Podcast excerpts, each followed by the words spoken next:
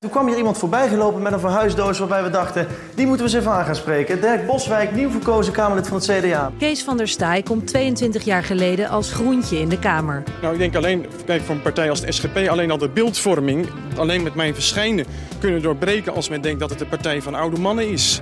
Te beginnen met Volt. Zij hebben vier zetels en zouden daarmee dus zeker weten in de Tweede Kamer komen. Dit is Kamervragen. Mijn naam is Jan van der Rost. Ik ben 20 jaar en werk bij de afdeling communicatie van de Tweede Kamer. Met mijn eigen vragen op zak neem ik je mee op mijn weg door de Haagse wandelgangen. Langs verschillende politieke gebeurtenissen, hoofdrolspelers en figuranten. En wie weet beantwoord ik daarmee ook gaandeweg jouw Kamervragen.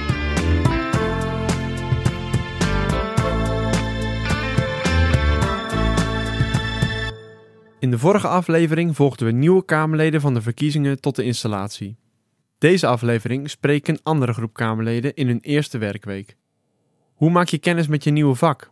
Hoe leer je je weg te vinden door de organisatie? En hoe vind je je rol binnen een fractie? Maar eerst ben ik benieuwd naar hoe het met ze gaat. Vorige week konden we al vaststellen dat er ook na de verkiezingen weinig rust bij zit voor de Kamerleden. Hoe zijn ze er inmiddels aan toe? Ik had ergens wel, toen ik naar de verkiezingen toe ging, hoopte ik dat er een soort rustpauze in. Maar ik heb nog nooit zo'n druk moment in mijn leven gehad. Uh, enerzijds het afronden van mijn werk. Uh, het afronden van uh, ook mijn politieke werk. Want ik was nog provinciaal actief in de provincie Utrecht. Ja, en nu meteen volle bak aan de gang als Kamerlid. Ik ben Dirk Boswijk. in het dagelijks leven was ik projectontwikkelaar en reserveofficier bij de Landmacht. En uh, ja, sinds nu, uh, wat is het, een week uh, Kamerlid voor het CDA. Goeiedag, ik ben Marieke Koekoek. ik ben Kamerlid voor Volt, nieuwe partij. Laurens Dassen, ook Kamerlid voor, voor Volt. ja, en sinds twee weken nu hier volop aan de slag. Nou, we hebben natuurlijk een hele campagne gedraaid. en dat was een hectische periode. Um, en um, uh, als je dan denkt dat je na die campagne rustig uh, hier aan de slag kunt gaan, dan uh, kan ik je verzekeren dat dat niet het geval is en dat die hectiek uh, um, uh, ja, nog groter is dan, dan de campagne zelf. Ja, dat kan ik wel beamen inderdaad. Ja, het is, um, het is een heel ander soort energie, maar wel dezelfde energielevel als in de campagne inderdaad. Het is gewoon doorstromen. Um, dus inderdaad, er, was wel, er is meer koffie gedronken de laatste weken dan daarvoor ooit, denk ik. Maar het is wel ja, ik ben het met je eens, Laurens, dat het, het is fijn om meteen van start te kunnen. Dat je wel meteen ook alle, alles waar je in de campagne een beetje op gehoopt hebt eigenlijk, dat mag je dan meteen gaan doen. Naast deze debutanten hoor je in deze aflevering ook iemand die hier al jaren rondloopt. SGP-leider Kees van der Staaij. Hij is het langzittende Kamerlid. Al in 1998 kwam hij de Kamer binnen. Voor hem ging dat zo. Ja, voor mij was het een hele verrassende binnenkomst, want ik ging uh, de avond van de verkiezingen of de nacht van de verkiezingen slapen in het idee dat ik niet in de Kamer gekozen was. En ik kreeg midden in de nacht een telefoontje van er is ergens een fout gemaakt en uh, je zit toch in de Tweede Kamer. Morgenochtend half tien fractievergadering. Dus uh, nou ja, ik ben dus niet meer terug geweest behalve afscheid te nemen van mijn oude werk. Terwijl mijn, mijn uh, koffertje om naar de Raad van State te gaan, waar ik als jurist werkte, eigenlijk al klaar stond. Dus wel een hele, een hele abrupte overgang. Uh, en, en ja, ook wel een, een, een, een andere wereld waar je toch wel in terecht kwam. Ik was dus inderdaad uh, jurist uh, in de voorbereiding van rechtelijke uitspraken. Waar, uh, waarop je dan op een hele andere manier natuurlijk toch wel weer bezig bent. En veel meer schriftelijk gericht dan, dan dat je hier in de Kamer kwam. En ja, ik vond dat ook best wel. Ik weet de eerste debatten. Nou, ik dacht. Uh, het ging over bodemsanering, dat herinner ik me nog. Uh, een stapel rapporten waarvan ik echt dacht: uh, moet ik die nou echt allemaal gelezen hebben en allemaal snappen over de techniek van die bodemsanering? Dus het was best even, even zoeken van hoe je nou je meerwaarde in zo'n debat kon hebben, zeg maar. Hoe je de hoofdlijn kon vinden die ertoe deed in het debat. Meneer Van der Staaij. Die formatie, dat was eigenlijk ook wel een gebed zonder end. Want hoe lang duurde dat wel niet? Record gebroken. Maar ja, als ik heel eerlijk ben, en ik zat mijn eigen speech van, wat is het? Zeven bladzijden nog eens even door te kijken. Op die 20 minuten afgestemd, lang aan gewerkt. Dat is eigenlijk ook wel een beetje een gebed zonder end. Uh, en iedereen is een beetje moe op een gegeven moment, heeft het wel wat gehad. Nou heeft onze afdeling voorlichting vanmiddag het in 10 tweets samengevat, mijn verhaal. Ik dacht, zou ik eigenlijk niet gewoon die 10 tweets kunnen voorlezen? Dan merk je ook wel, het is ook wel echt een ambacht, het uh, Kamerlidmaatschap. Ja, een ambacht dus. Dat is waar ik in deze aflevering naar op zoek wil gaan. Hoe leer je dat ambacht? Staat er hulp tot je beschikking of moet je het allemaal zelf voor elkaar zien te krijgen?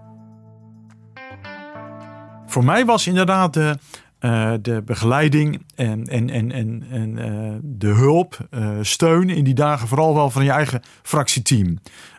dus ja, je fractieleden, fractiegenoten, andere Kamerleden van de SGP, in dit geval van de Vliezer van den Berg.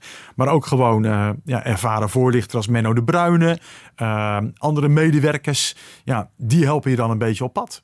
Kamerleden van partijen die al langer in de Kamer zitten, kunnen putten uit de jaren ervaring die hun collega's en medewerkers al hebben. Van hen kan je veel leren. Zo merkte ook Dirk Boswijk van het CDA. Kijk, dat is wel, um, dat is wel fijn als je in een, uh, in een gevestigde partij komt. Is dat je. Um, je hebt sowieso een persoonlijk medewerker. En dat is al iemand die, die heeft dat al, in mijn geval in ieder geval, al, uh, al een aantal jaar. Dus die weet alles over procedures, over alles waar je moet zijn. Maar we hebben ook iemand die helemaal voor de ICT is. Dus die installeert de iPads. Die doet, nou ja, die doet alle hand- en spandiensten eigenlijk in de, in de fractie. Um, en ik moet zeggen, eigenlijk um, is iedereen in de, in de fractie wel een soort buddy. Uh, ik heb bijvoorbeeld met, met uh, Jacco Geurts, mijn voorganger op landbouw. Uh, ja, die neemt me echt mee op de inhoudelijke dossiers.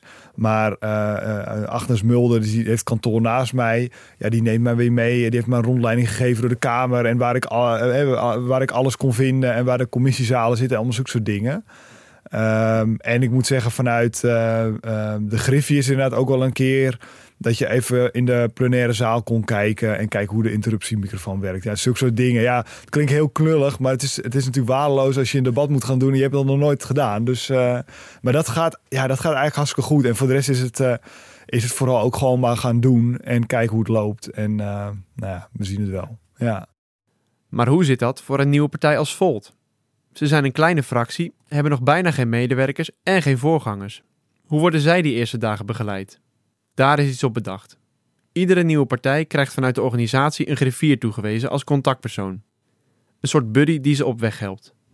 Ja, mijn naam is Jeffrey van Haaster. Ik uh, ben de griffier van de vaste Kamercommissie voor Europese Zaken. Uh, inmiddels werk ik uh, toch ook alweer tien, ruim tien jaar in de Kamer. Ik ben hier binnengekomen als adjunct griffier en na verloop van tijd doorgestroomd als, als griffier we hielden natuurlijk al rekening mee dat er verschillende nieuwe fracties uh, hun intrede zouden doen in, in de Kamer. En uh, ze zochten ook uh, ja, ervaren griffiers die de nieuwe fracties op weg zouden willen helpen. dat wilde ik natuurlijk graag doen, want ik vind het hartstikke leuk om ja, een enthousiaste club nieuwe mensen op weg te helpen in de Kamer en de Kamerprocedures. dus nou, ik werd gekoppeld aan, de, aan Volt. misschien ook vanwege de, de inhoudelijke relatie wat betreft eh, Europa en de Europa-portefeuille. Ja, dus eigenlijk in die eerste dagen heb je aan ondersteuning, in ons geval met name, omdat wij eigenlijk helemaal nieuw zijn. Dus bij ons begon het met de basis van uh, goed, een kamer hebben, uh, pennen en papieren hebben. En maar vervolgens ook de praktische dingen van dat je als fractie gaat bestaan. Uh, dat je ook mensen kan aannemen.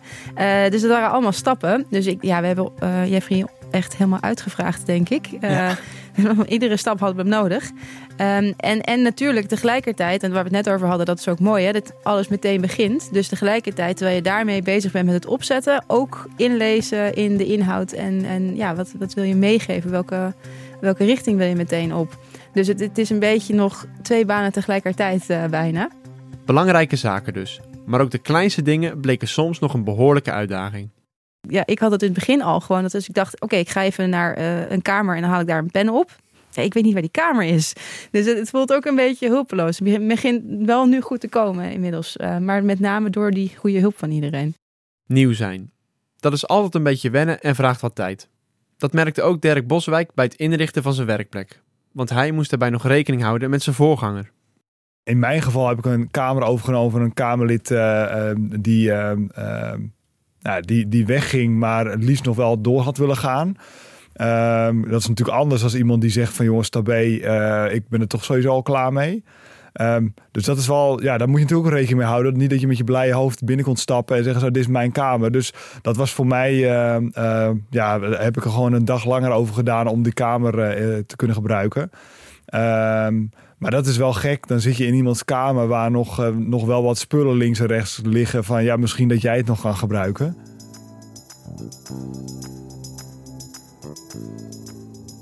We kwamen hier bij een uh, doos vol met oude papieren. En toen kwam hier iemand voorbij gelopen met een verhuisdoos waarbij we dachten... die moeten we eens even aan gaan spreken. Dirk Boswijk, nieuw verkozen Kamerlid van het CDA. Meneer Boswijk, goedemorgen. Hè? Een hele goede morgen. Ja, ja een hele goede morgen. Allereerst gefeliciteerd. Ja, dankjewel. Ik dacht, als we zo'n verhuisdoos zien... dan moeten we eens kijken wat, hoe die nieuwe kantoortjes er allemaal uit gaan zien. Ja. Wat heeft u allemaal meegenomen? Ja, nou, natuurlijk een, een foto met, uh, met mijn kinderen. Uh, dat lijkt me wel belangrijk. maar ook mijn baret. Dat herinnert mij aan de, aan de tijd dat ik op een andere manier ons land heb mogen dienen. En dat herinnert me ook aan uh, ja, dat er op dit moment gewoon heel veel mannen en vrouwen ons ook nog steeds beschermen. Hebben we nog meer meegenomen waarvan u zegt van joh, dat moeten we toch even zien? Ja, nou ik ben een vervent lezer. Uh, het boek van Pieter Omtzigt heb ik natuurlijk meegenomen. Heb ik helemaal uitgelezen en ik ga hem proberen te slijten aan iemand anders hier. Dat ik denk van nou, jij hebt nog een hoop te leren.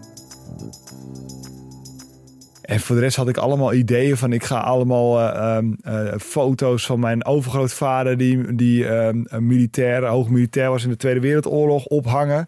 Tot het diploma van mijn andere opa die ja, een agrarische hogeschool heeft gedaan. En een diploma uit 1920 ophangen. Het is niet meer van gekomen. Het werk in de Kamer gaat natuurlijk om meer dan het vinden van een pen of het inrichten van je werkplek. Kamerleden moeten vooral goed op de hoogte zijn van alle verschillende procedures. Overal gelden bepaalde regels. Ik heb mijn eerste schriftelijke vragen gesteld. Uh, ook meteen over drie verschillende onderwerpen. Dus ik heb gelijk drie, uh, drie uitgedaan. Uh, en ook dat is wel iets. Weet je, ik liep al met die schriftelijke vragen um, afgelopen maandag al rond. En ik was echt zoekend van ja, wat is de procedure? Hoe moet ik het formuleren? En uh, dus de volgende keer bedenk ik ze en dan stuur ik ze dezelfde dag nog weg. Maar ik heb er nu echt een paar dagen over gedaan om te kijken, is dit het goede format? Wat je als buitenstaander uh, misschien niet uh, realiseert, is, is dat de Kamer heel veel vaste procedures kent en, en heel veel informatiestromen. De, de plenaire vergadering, maar ook alle commissies. En, en om daarop aangesloten te zijn, ja, dat is wel even een eerste prioriteit uh, als nieuwe fractie. Zodat je ook uh, nou, weet wat, wat er speelt en wat, wat de onderwerpen zijn en hoe de agenda's eruit zien. Tegenwoordig gaan dat soort dingen allemaal digitaal. Maar toen Kees van der Staaij begon, was dat nog een stuk onhandiger. Als je wilde weten waar je vergadering was, moest je goed opletten. Ja, ook dat ging natuurlijk heel anders. Het was allemaal niet digitaal in 1998. Van, dat je kon zien, oh, dit debat is in die en die zaal. Je moest echt goed in de gaten houden in de briefjes die je kreeg. Waarop stond van um, waar de debatten uh, over gingen en werden gehouden. En uh, ik herinner me ook wel eens dat er, uh, dat was wel een grappige ervaring. Dat er iemand na 20 minuten of zo opstapte. En dan zei van, oh, ik zit toch bij het verkeerde debat. Griffier en Burry Jeffrey van Haaster heeft nog wel een advies voor de nieuwe partijen. Nou ja, wat, wat, wat ik wel meegeef is dat er ja, zoveel gebeurt in de Kamer en dat er zoveel Kamercommissies zijn. En als je natuurlijk een, een nieuwe kleine fractie bent, uh, ja, moet je ook voorkomen dat je overspoeld raakt met, met uh, allemaal informatie en agenda's en, en stukken en zo. Dus ja, mijn advies dat ik uh, aan Volt, maar ook aan elke andere nieuwe fractie zou geven en had gegeven is van nou, zorg ook voor de prioriteiten en ehm, zorg ook dat je snel je eigen ondersteuning uh, op orde hebt en, en mensen aanneemt. Hè? En dat is voor nieuwe fracties ook nog natuurlijk even een stap. Uh, want uh, vaak moet er dan een fractiestichting nog even in het leven geroepen worden. maar dat is ook wel belangrijk dat dat snel gebeurt. Zodat ja, fracties ook met hun eigen mensen, medewerkers aan, de, maar, aan het politieke proces kunnen beginnen. Nieuwe partijen moeten dus snel hun eigen infrastructuur opzetten om aan de slag te kunnen in de Kamer. Maar gelukkig staan ze er niet helemaal alleen voor. Laurens Dassen en Marieke Koekoek kwamen erachter dat collega-Kamerleden niet te beroerdste zijn. Um, uh, en wij vragen ook wel eens uh, uh, aan, aan, andere partijen van hey, hoe gaan jullie hiermee om? of hoe kijken jullie daarna? Um, en dat is heel fijn, want um, ja, ook als je nieuw bent, dan heb je misschien af en toe dat je een bepaalde blinde vlek hebt. Uh, en dan is het toch fijn om ook even andere perspectieven te horen. En ik ben blij dat uh, ik heb gemerkt dat ondanks dat je bij verschillende partijen zit, dat er een groot gedeelte uh, van de mensen daar ook gewoon voor open staat. En daar ook de tijd voor neemt en de ruimte voor neemt. Dus dat is echt, ja, dat ja, is wel mooi. Een soort basiscollegialiteit van, ja. je kan politiek van elkaar verschillen uiteraard. Dat is de bedoeling ook als je hier bent. Maar er is ook een basis die je allemaal samen doet.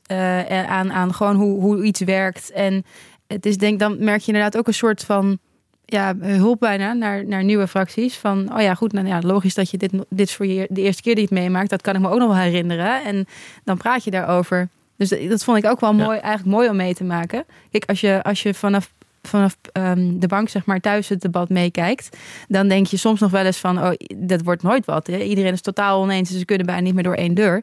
Um, maar op zich viel me dat juist ook, zelfs in, in de afgelopen week, viel me dat eigenlijk gewoon wel mee. Dat je, dat je toch merkt, ja, um, daarin zit ook gewoon een collegialiteit. We zitten allemaal in, hetzelfde, in dezelfde kamer letterlijk. Politieke verschillen of niet, je blijft collega's. Kamerleden willen elkaar dus graag een beetje op weg helpen. Dat komt goed uit, want de nieuw gekozen fracties moeten vrijwel direct gaan vergaderen en onderwerpen op de agenda zetten. De eerste fractievergadering hadden we meteen de dag na de verkiezingen, dus de donderdagochtend. Um, wat het CDA betreft hadden we gewoon geen goede uitslag. Dus er was natuurlijk de stemming, uh, ondanks dat ik daar was, wat ik natuurlijk super leuk vond. Um, ja, kon ik niet met een grote grijns op mijn gezicht rondlopen, omdat gewoon het resultaat niet goed was. Ja, en dan wordt, er gewoon een rondje gemaakt van hoe hebben jullie het ervaren, de uitslag en wat denken jullie uh, wat we moeten gaan doen en hoe, hoe ben je eronder. En ja, het is meer een soort aftasten, niet echt. En we hebben toen niet echt inhoudelijk gesproken, meer gewoon uh, hoe, hoe iedereen zich voelt. Um, dat was eigenlijk de eerste fractievergadering. En um, ja, al heel snel komt het in een modus met. Eh, want we hadden toen niet eens een agenda van hup, een agenda, deze punten komen erop. Heeft iemand nog. En ik, ik verbazingwekkend hoe snel dat al uh, um, uh, zich gewoon settelt of dat het altijd zo is gegaan. Ik heb ook echt het gevoel dat ik hier nu al vier maanden rondloop. Terwijl het nog maar iets van twee weken is. Tijdens die eerste fractievergaderingen worden meestal ook de portefeuilles verdeeld binnen de partij. Dit worden de onderwerpen waar je als Kamerlid de komende jaren mee bezig gaat houden. Als nieuw Kamerlid heb je daar misschien nog wat ideeën over, maar jouw partij waarschijnlijk ook. Zo merkte SP'er Jem Lachin, die we in de vorige aflevering ook al spraken. Ik, eh, kom van de FNV, dus ik had een heel verhaal voorbereid uh, waarom ik een bepaalde portefeuille moest uh, krijgen. Nou, in mijn, als je van de FNV komt, is sociale zaken een, een, logische. Dus ik hield een heel vurig betoog waarom ik dat als beste zou kunnen doen. en vervolgens nou, werd aandachtig naar geluisterd, maar zoals ik al had moeten weten, eh, hadden zij natuurlijk ook nagedacht over uh, wat ik uh, kon gaan doen. En dat werd uiteindelijk uh, infrastructuur en, en, milieu toen nog, INM. daarna werd het INW.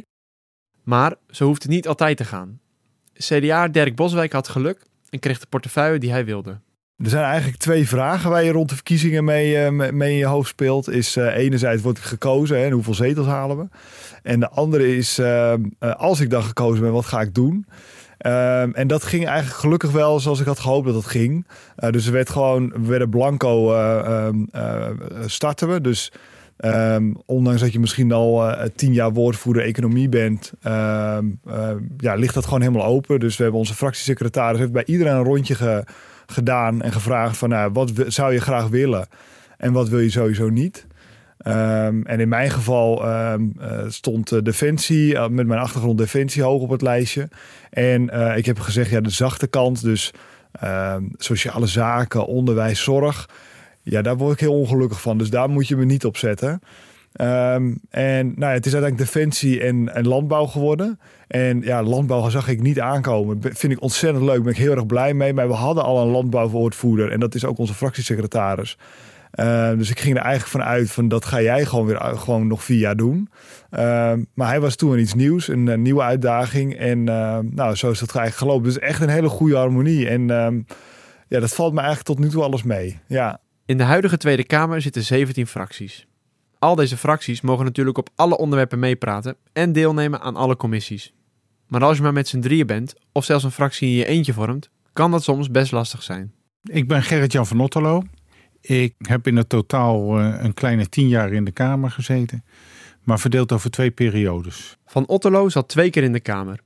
Van 1986 tot 1994 voor de Partij van de Arbeid en van 2019 tot 2021 voor 50PLUS. Hij heeft als geen ander kunnen zien hoe het werk in grote en kleine fracties verschilt.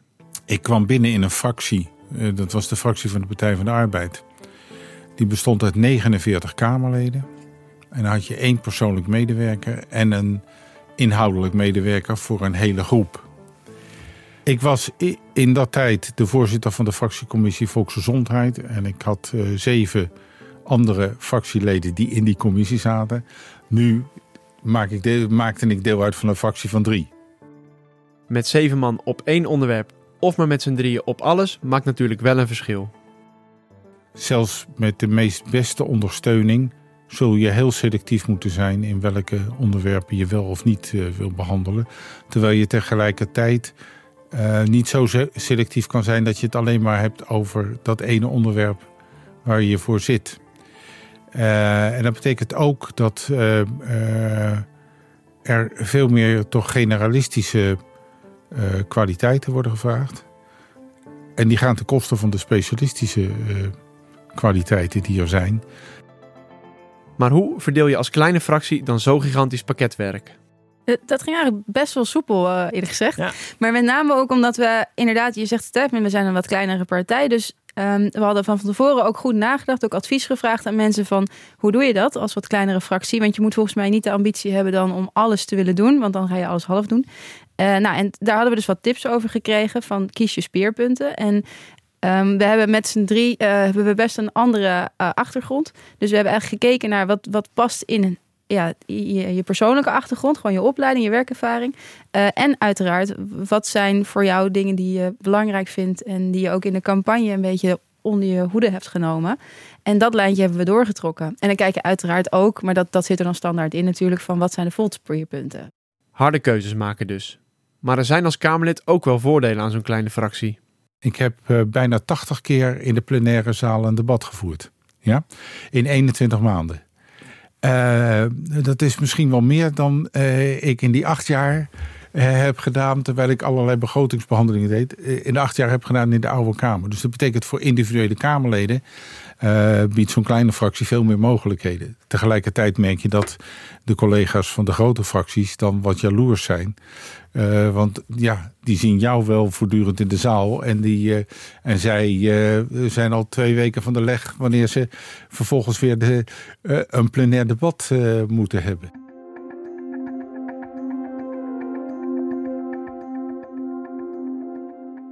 De portefeuilles zijn binnen en de procedures worden steeds duidelijker. Maar er is nog iets waar een Kamerlid doorheen moet: de maiden speech.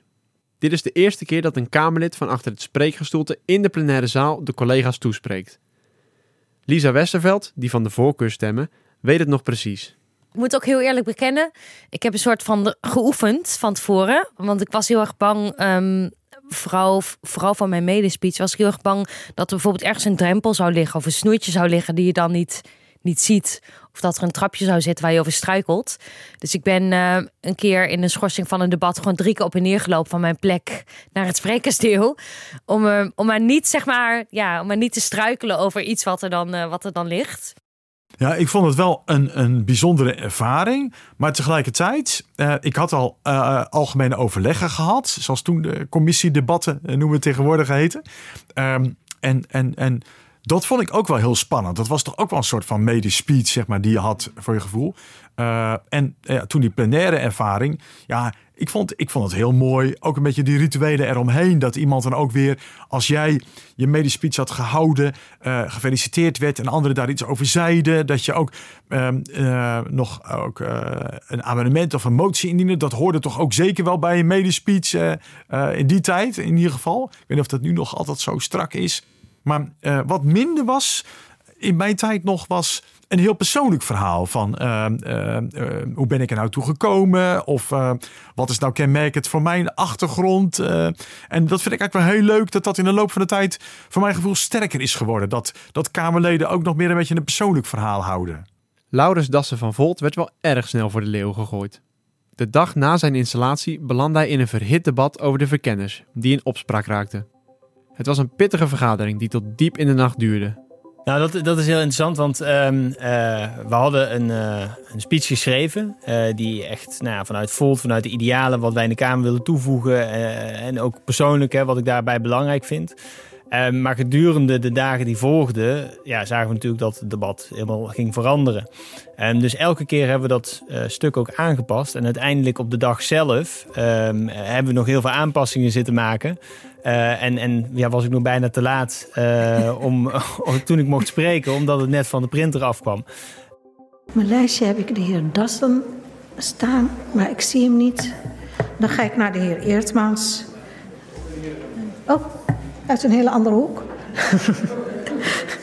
Verrassing. De heer Dassen namens Volt.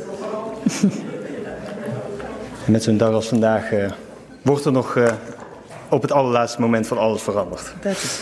Ehm, voorzitter, de eerste bijdrage in deze zaal had ik me wellicht helemaal anders Ja, voorgesteld. en, en dat, eh, dan ben je heel blij natuurlijk dat, dat we dat met elkaar goed weten te regelen. Eh, tegelijkertijd ja, is, is, is zo'n binnenkomst is, eh, ja, is niet iets wat ik direct op voorhand verwacht had. Ehm, en dan ben ik toch ook blij dat we dat uiteindelijk goed weten te regelen. Het is ook wel een beetje een verhaal voor de boeken later. Dat Ja. je zegt van, nou, dit waren je eerste stappen in de Tweede Kamer. Inderdaad, nog net even te laat in- binnenkomen rennen en het, en het toch gewoon doen ook. Ja, dat is ook ja. wel. Ja. En het is dan geloof ik ook niet helemaal mijn, mijn mijn maiden speech. Eh, die zal nog een andere keer gedaan worden. Want eh, daar was dan in dit debat ook niet de echt ja, de juiste eh, moment daarvoor. Eh, omdat ze normaal ook, begreep ik, eh, schorsen. En dat er dan ook een moment van felicitatie is. Eh, dat zou in dit debat een beetje bijzonder zijn geweest als dat gedaan zou worden. Ehm, en het, mooie was, ik had daarvoor moest ik in quarantaine voor corona. Ehm, eh, en dus ik had ook niet kunnen oefenen. Want je krijgt de gelegenheid om vooraf, zonder camera's, even te oefenen in de plenaire zaal met een microfoon, met het spreekgestoelte. Eh, dus dat had ik die ochtend nog kunnen doen. Dus dat zat er allemaal vers in. Eh, maar natuurlijk, op het moment dat je naar voren loopt... eh, en zeker die eerste keer waar, ja, in ja, waarin je dat, dat wil... en je gedachten van wat je wilt gaat zeggen... ja, dat, dat is wel even een moment waarin je extra focus hebt... en waarin je voor jezelf dat ook in dat korte stukje wat je aan het wandelen bent... drie keer door je hoofd laat, laat schieten, ja.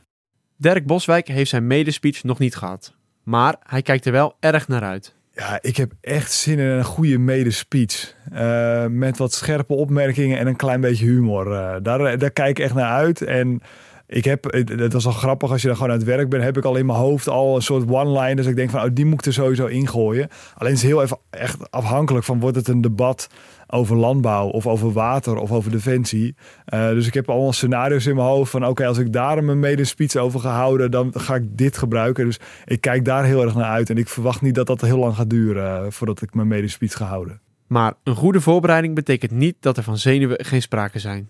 Nou, ik denk drie minuten voordat ik mijn medespeech ga houden, dat ik denk van waarom vond ik dit zo leuk? Eh, ik heb altijd, ondanks dat ik, en nu helemaal weer, maar ik heb dat ook in de provincie gemerkt. Ook al ben je zes jaar actief, ehm, elke keer, tenminste dat heb ik, dat hoeven andere mensen niet te hebben, maar elke keer als ik naar een microfoon loop, heb ik altijd een soort zenuwen. Ehm, hoe vaak je het ook hebt gedaan. En dat zal ik zo meteen denk ik in, in het kwadraat hebben. Want bij de provincie wist ik, nou, daar kijken misschien drie mensen naar het debat. Ja, en hier is dat toch anders. In de volgende aflevering van Kamervragen. Voorzitter. Dank u wel, voorzitter. Maar als het mag, voorzitter. Dank u voor het woord, voorzitter. Ja, voorzitter, een van de redenen waarom... Maar ik moet heel eerlijk zeggen, ik was dus nog niet zo heel lang Kamerlid, maar ja, ruim vijf jaar. En toen kreeg ik die hamer in eh, handen. Je hoort het volgende week. Dit was de tweede aflevering van Kamervragen. Een podcast vanuit de Tweede Kamer. Mijn naam is Jan van der Horst. Heb ik jouw Kamervraag niet beantwoord? Laat het ons dan weten via onze socials. Wil je meer weten over de Tweede Kamer? Ga dan naar onze website tweedekamer.nl. En vond je deze aflevering leuk? Deel hem dan vooral met vrienden, familie of mensen naast je in de rij bij de kassa. Tot de volgende keer.